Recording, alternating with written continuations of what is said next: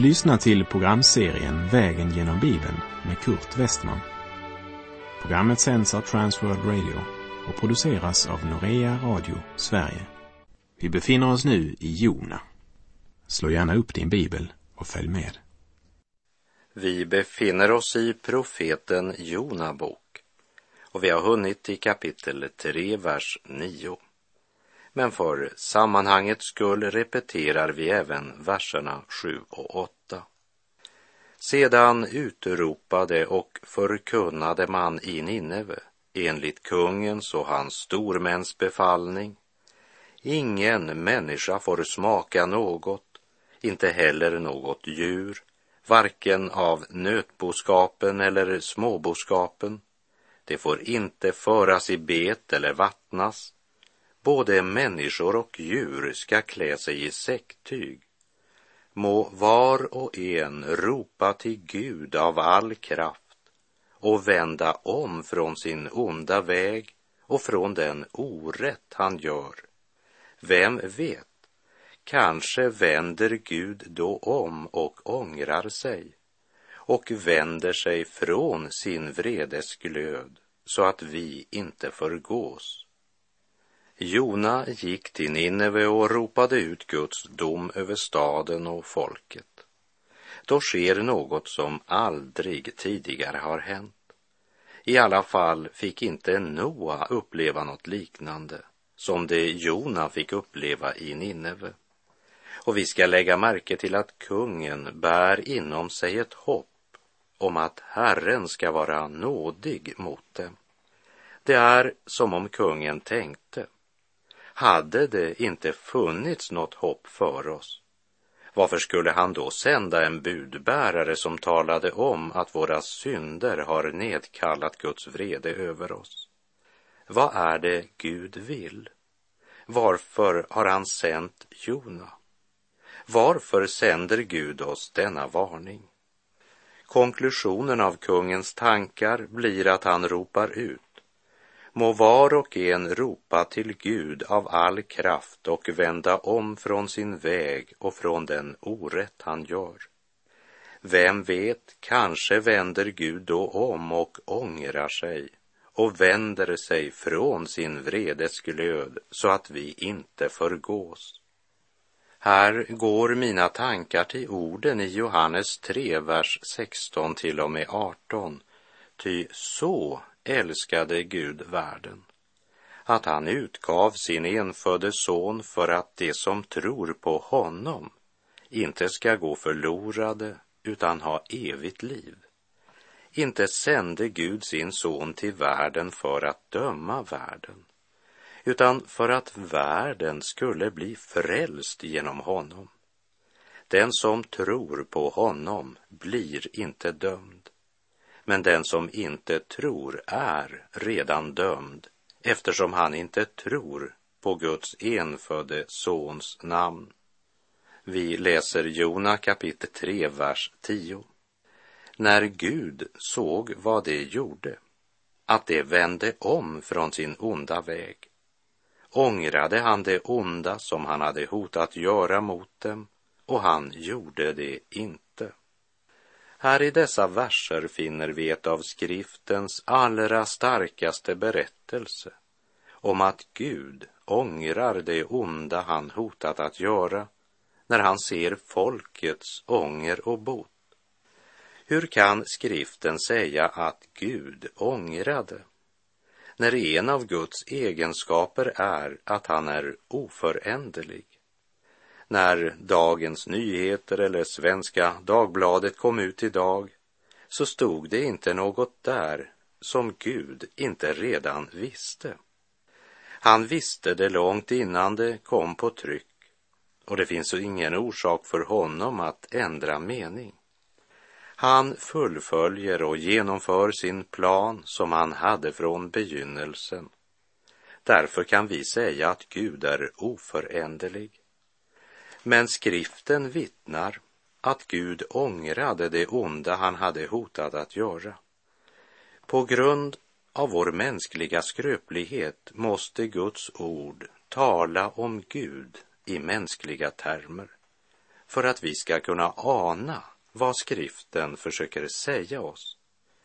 Därför talar den om Guds öga, Guds händer, Guds arm och så vidare. Den använder fysiska mänskliga kroppsdelar som hjälper oss att förstå att Gud verkat och fortfarande är verksam. Till exempel när det i Första Samuelsbok 15.11 står att Gud ångrade att han hade gjort Saul till kung, så är det ett mänskligt uttryck för Guds missnöje med Sauls sätt att utföra orden Gud givit. När vi människor ska beskriva Gud har vi inget annat än våra mänskliga uttryck och tankar. Därför talar den om skapelsen som hans händers verk, som det står i Saltaren 19.2. Orden i Jona 3.10 talar om att den som vänder sig till Gud kastar han inte ut. Gud såg att deras omvändelse var mer än ord. Och när människorna i Nineve omvände sig från sina onda gärningar och ödmjukade sig inför Gud förändrades situationen.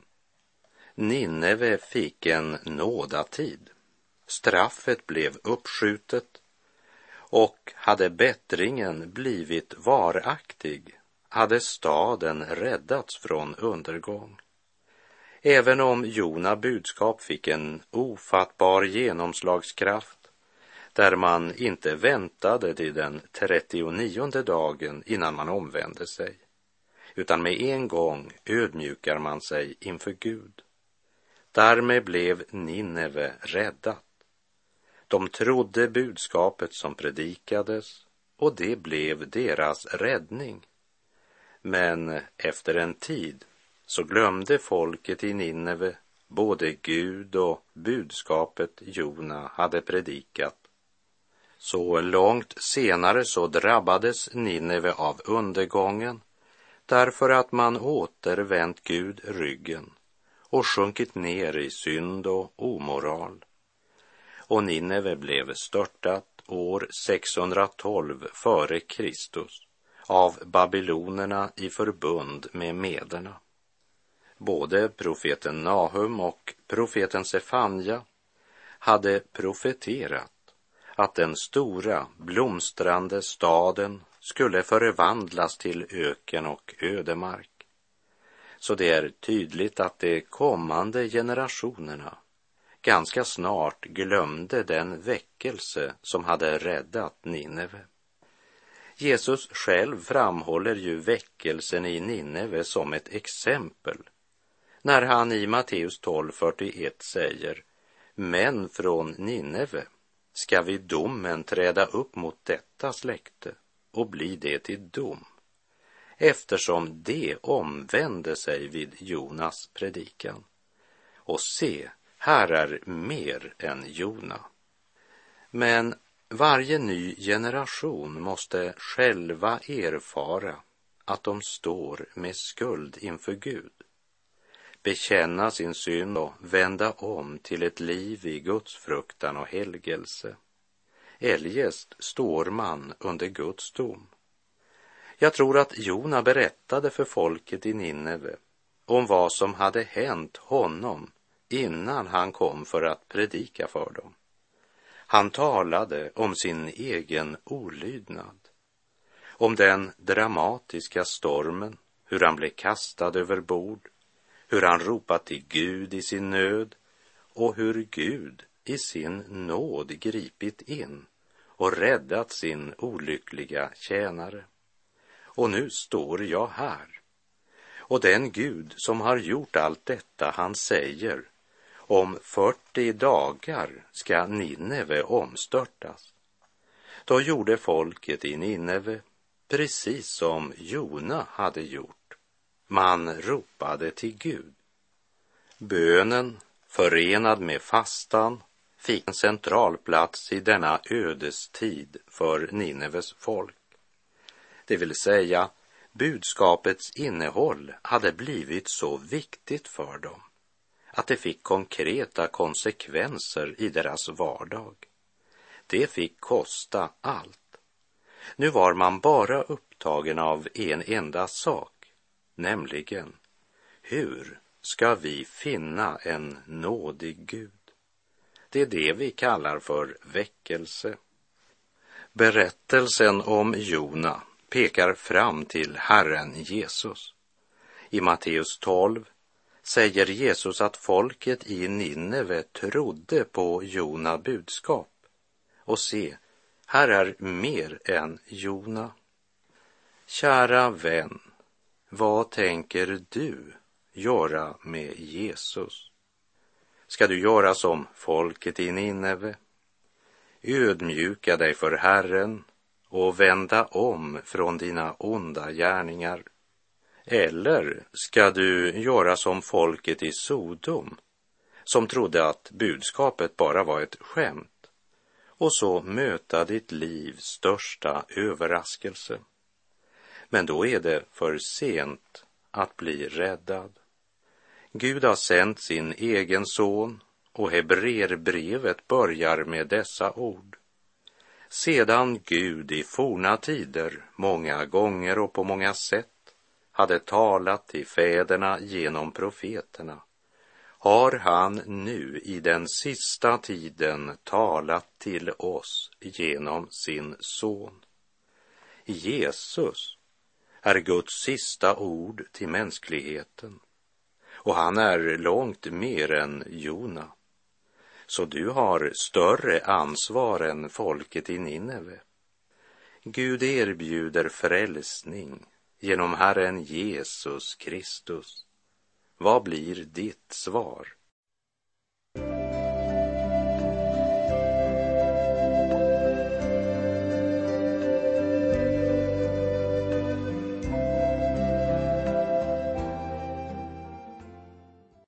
I och med att vi avslutade kapitel 3 i Jona bok så var också Jona uppdrag slutfört.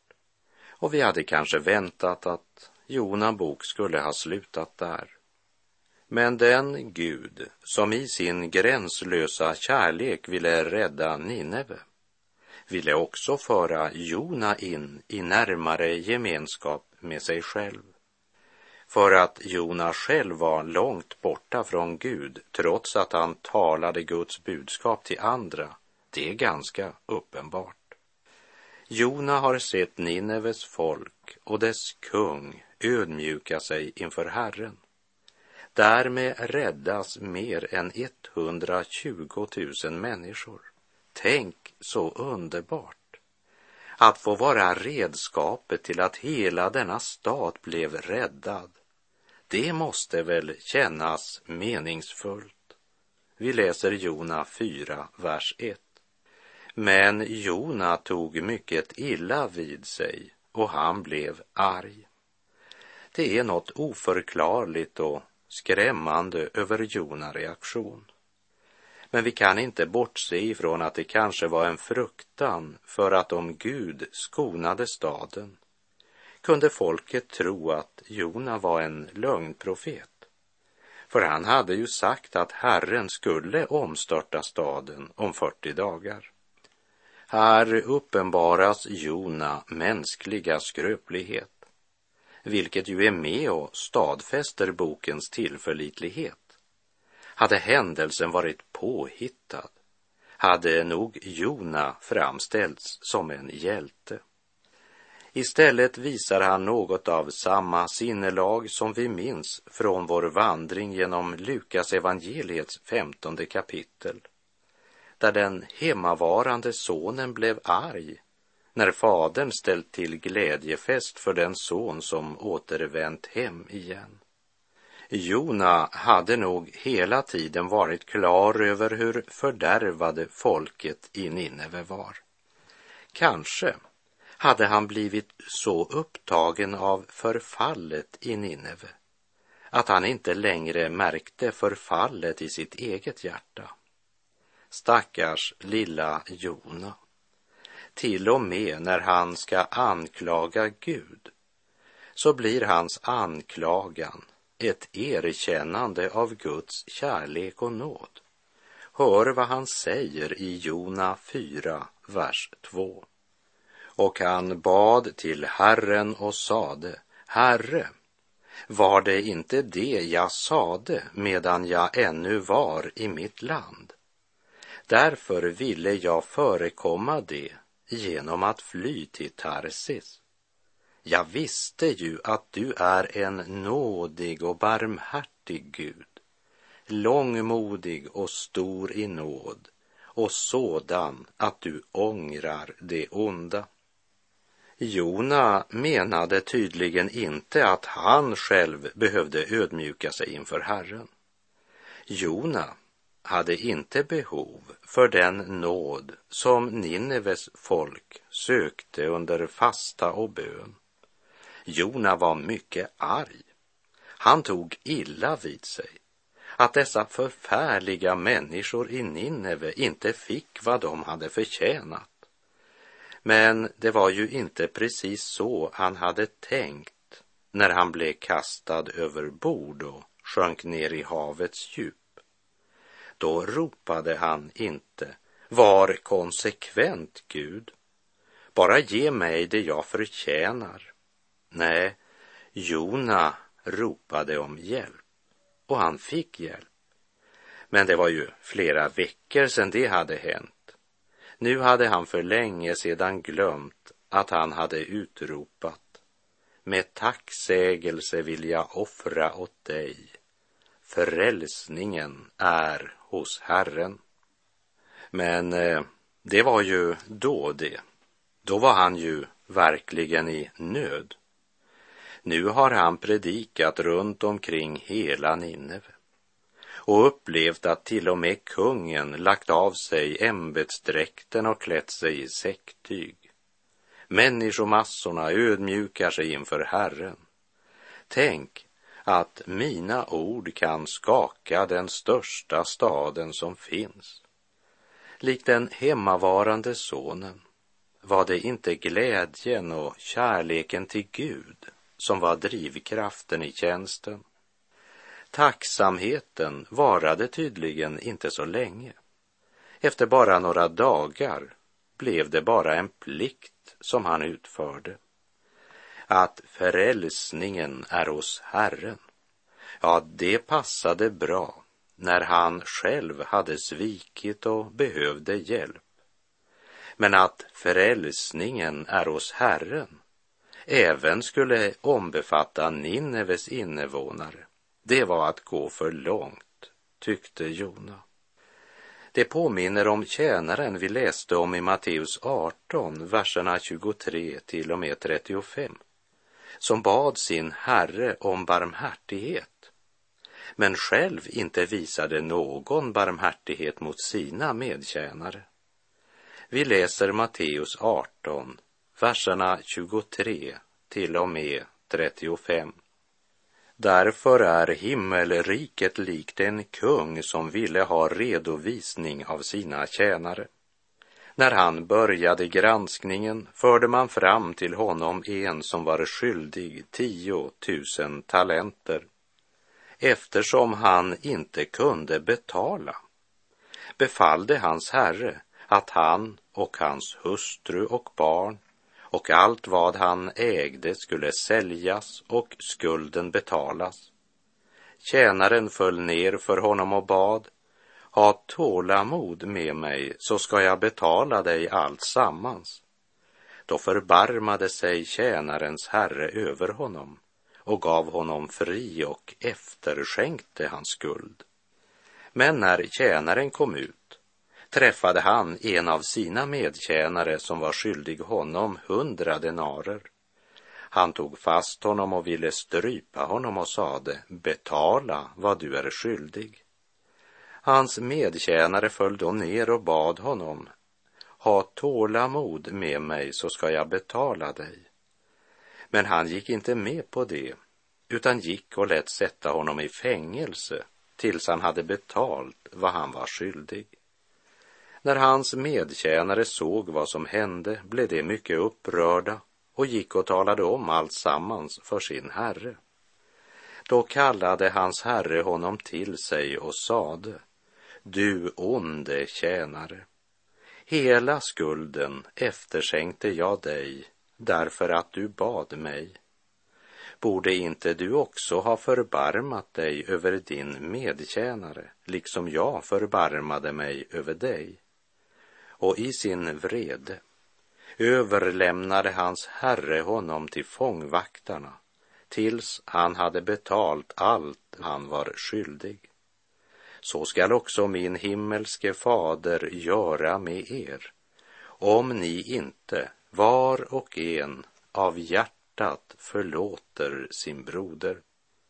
Herren använde en högst osannolik illustration för att stadfästa vad han menar. En denar utgjorde det som den gången var en vanlig dagslön. En talent motsvarar 6 000 denarer, alltså 6 000 dagslöner. Så 10 000 talenter, det blir 60 miljoner dagslöner. Om vi sätter dagslönen till 500 kronor så blir det 30 miljarder, omräknat i dagens penningvärde. Det är ganska mycket att förlåta någon. Det visar sig också att denne tjänare inte hade förstått hur stor skuld han hade. För han sa, ha tålamod med mig ska jag betala. Och men han hade fått leva till han var 500 år hade det inte varit nog för att betala denna enorma skuld. Han hade aldrig kunnat betala den. Men hans herre betalade skulden för honom. Tjänaren som fått efterskänkt 30 miljarder hade en medtjänare som var skyldig honom hundra denarer, hundra dagslöner. Men han som själv just blivit förlåten vägrade att förlåta sin medtjänare. Illustrationen bär ett litet stänk av bjälken och flisan som Jesus talade om i Matteus kapitel 7 då han talade om att döma. Nu är det förlåtelsens princip Jesus här undervisar om.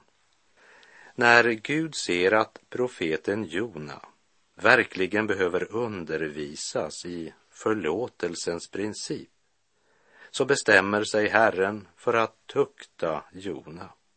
Ty den Herren älskar, den tuktar han och han agar var son som han har kär, säger Hebreerbrevet 12, 6.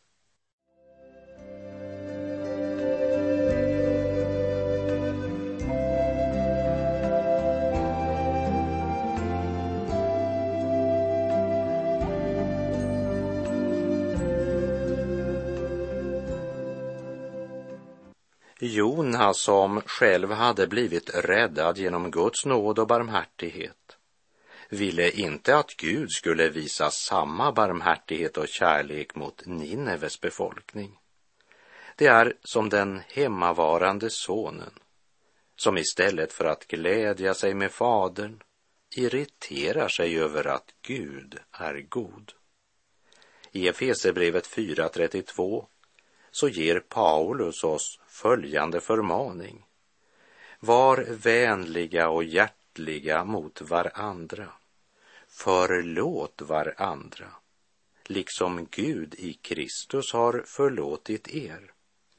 Jonas säger att han visste ju att Gud är nådig och en barmhärtig Gud, långmodig och stor i nåd och sådan att han ångrar det onda. Och så fortsätter han i Jona 4, vers 3. Tag nu mitt liv, Herre, för jag vill hellre vara död än leva. Det är en profet tidigare också som har önskat sig döden. Det var profeten Elia. När han av fruktan flydde undan drottning Isabel, två av Herrens tjänare, var alltså så utmattade, slitna och förtvivlade att de misströstade om livet. Jag ger upp, Gud. Jag kan bara inte mer. Jag orkar inte leva. Jag vill hellre vara död än levande. Ja, så talar Jona till honom som på ett mirakulöst sätt hade skänkt honom livet igen. Jag vill hellre vara död. Det var inte det han sa när han blev kastad i havets djup. Då sa han inte tack Gud, det passade bra för jag vill hellre vara död än leva. Utan då lät det så här, Jona 2, vers 3. Jag ropade till Herren i min nöd och han svarade mig. Från dödsrikets buk ropade jag på hjälp och du hörde min röst. Du förde mig upp ur graven, Herre min Gud. Med tacksägelse vill jag offra åt dig vad jag har lovat vill jag infria. Frälsningen är hos Herren. Men nu var det ju ganska många dagar sedan han var i livsfara, så nu är tacksamheten glömd. Nu säger han, eftersom jag inte får det som jag vill så vill jag inte leva. Och det verkar nästan som om Jona menade det som ett hot. Som om det skulle vara så stor förlust för Gud om han inte längre hade Jona. Hans ord är ett hån mot Gud, en fruktansvärd synd, ett förnekande av livets gåva. Här talar en man som förlorat Guds perspektiv både på ögonblicket och på framtiden. Men eh, medan han själv var i nöd och höll på att drabbas av Guds dom, då förstod han vilken nöd Nineves befolk befann sig i. Och när han plötsligt själv står räddad på stranden anar han att Gud har samma omsorg för Nineves folk som för mig. Låt mig gå. Låt mig få berätta för Nineves folk att synden får konsekvenser. Låt mig förkunna bättring, bot och omvändelse. Men Jona, han är varken den första eller den siste som har önskat att Guds eld skulle falla över det ogudaktiga. I Lukas 9, verserna 52 till och med 55 läser vi. Jesus sände budbärare framför sig och det gav sig iväg och gick in i en samaritisk by för att förbereda hans ankomst. Men folket tog inte emot honom eftersom han var på väg till Jerusalem. När hans lärjungar, Jakob och Johannes, såg det sade de, Herre, vill du att vi ska kalla ner eld från himlen som förtär dem? Men Jesus vände sig om och tillrättavisade dem. Kötslig iver i andligt arbete, det är det farligaste som finns. Därför bestämmer Gud sig för att fostra sin tjänare Jona. Dra honom helt tätt intill sitt hjärta. Sådan är den tålmodige Gud mot sina otålmodiga tjänare. Och med det så är vår tid ute för den här gången. Så ska vi i nästa program möta Herrens svar på Jona otålmodighet. Herren vare med dig. Må han genom sitt ord och Andens uppenbarelse få uppenbara sin fullkomliga nåd och kärlek för dig så att också du blir dragen tätt tätt intill Guds hjärta. Gud är god. Du har lyssnat till programserien Vägen genom Bibeln med Kurt Westman som sänds av Transworld Radio. Programserien är producerad av Norea Radio Sverige. Om du önskar mer information om vårt radiomissionsarbete så skriv till Norea Radio Sverige, box 3419 103 68, Stockholm.